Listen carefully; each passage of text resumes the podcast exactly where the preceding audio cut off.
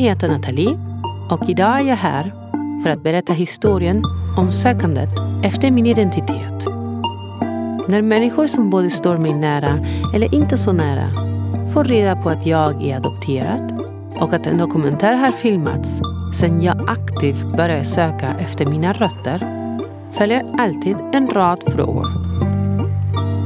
Jag har svarat på dessa frågor under många år nu. Så när vi avslutar inspelningen av dokumentären bestämde jag mig för att göra den här podden för att svara på var och en av dem. Varje avsnitt är ett svar på en fråga. Vilka vi egentligen är och vad vår sanna identitet är är frågor som människor har ställt sig själva sedan tidens begynnelse och fortfarande vet ingen riktigt vad som gör oss till dem vi är. Här berättar jag min historia, så som jag har upplevt den.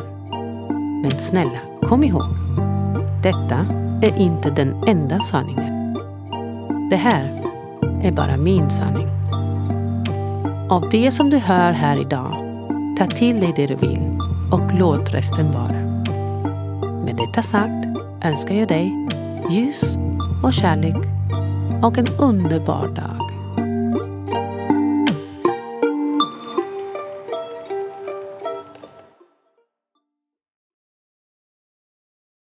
Kapitel 2 Varför en dokumentär?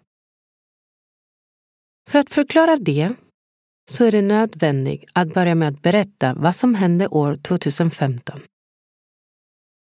Efter att ha fått ett samtal från den argentinska ambassaden om att utrikesdepartementet letar efter mig fick jag panik.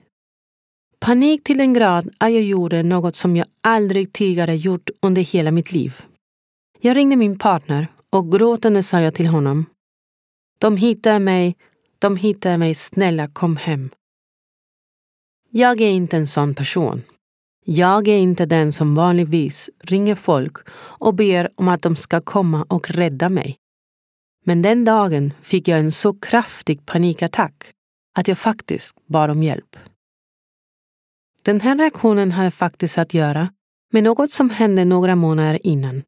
När jag nästan i slutet av min årliga resa till Buenos Aires bestämde mig för att gå till organisationen Mormödrar på Plaza de Mayo för att ställa de sista frågorna om vad som skulle kunna hända om jag lämnade mitt DNA och de skulle hitta min biologiska familj. Jag förstår om sådana frågor kan verka irrelevanta för folk i största allmänhet. Det vill säga, om man jämför med att lösa brott mot mänskligheten och att återställa min biologiska identitet så borde ju allt annat rimligtvis vara irrelevant. Men för oss, som är på den här sidan av historien, så är det inte det. Så enligt min mening är det så här.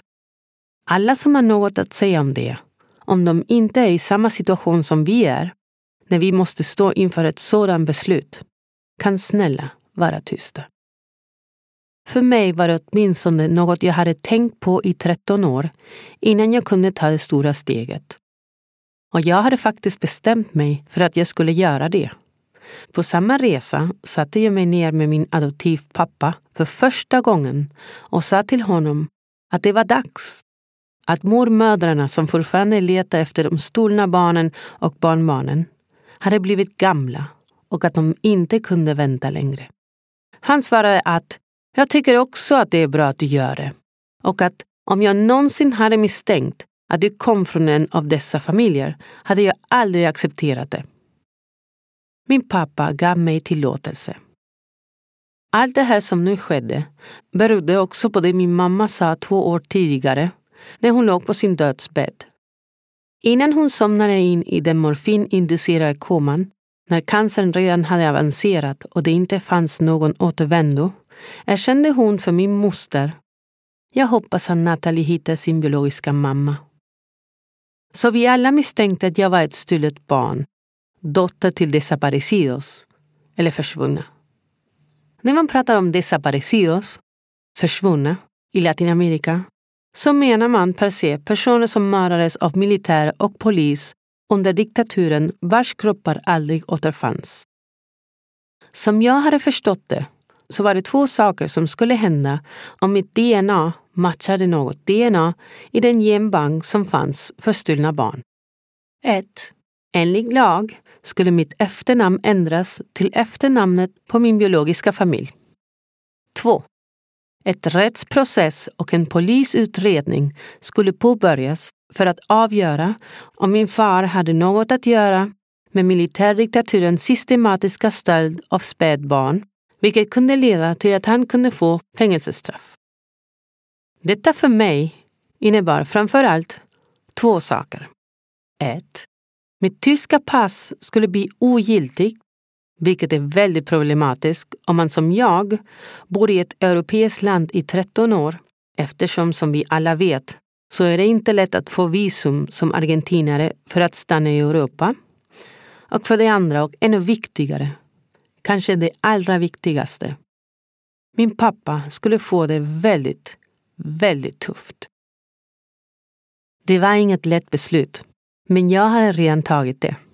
Så jag åkte till Abuelas de Plaza de Mayo i mars 2015 för att ställa de sista frågorna innan jag sen skulle återvända till Sverige och lämna DNA på den argentinska ambassaden.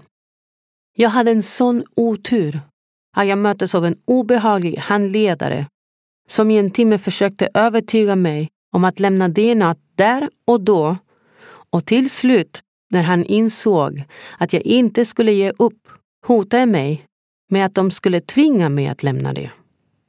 En psykopat på den plats där de arbetade för att reparera skadan som orsakades av psykopater från militärjuntan 1976. Om det här är de goda och de behandlar mig så här, föreställ dig de onda.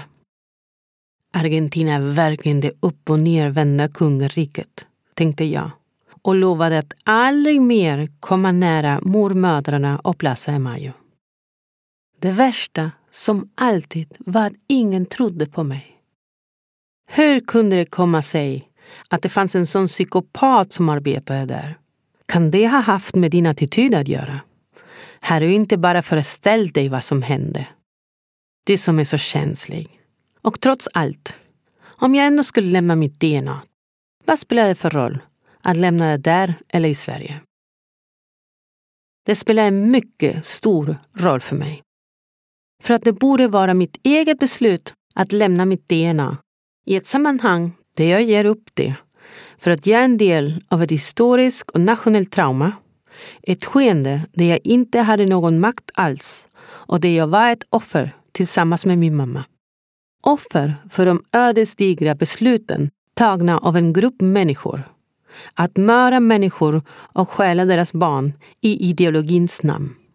Ett beslut som skulle leda till att jag hamnade i en familj som inte hade någonting med mig att göra. Så ja, det spelar mycket stor roll för mig. Jag gav upp identiteten som hade byggts upp i 38 år och min pappas kärlek i utbyte mot sanningen. Om detta var priset att betala ville jag att det åtminstone skulle vara mitt eget beslut.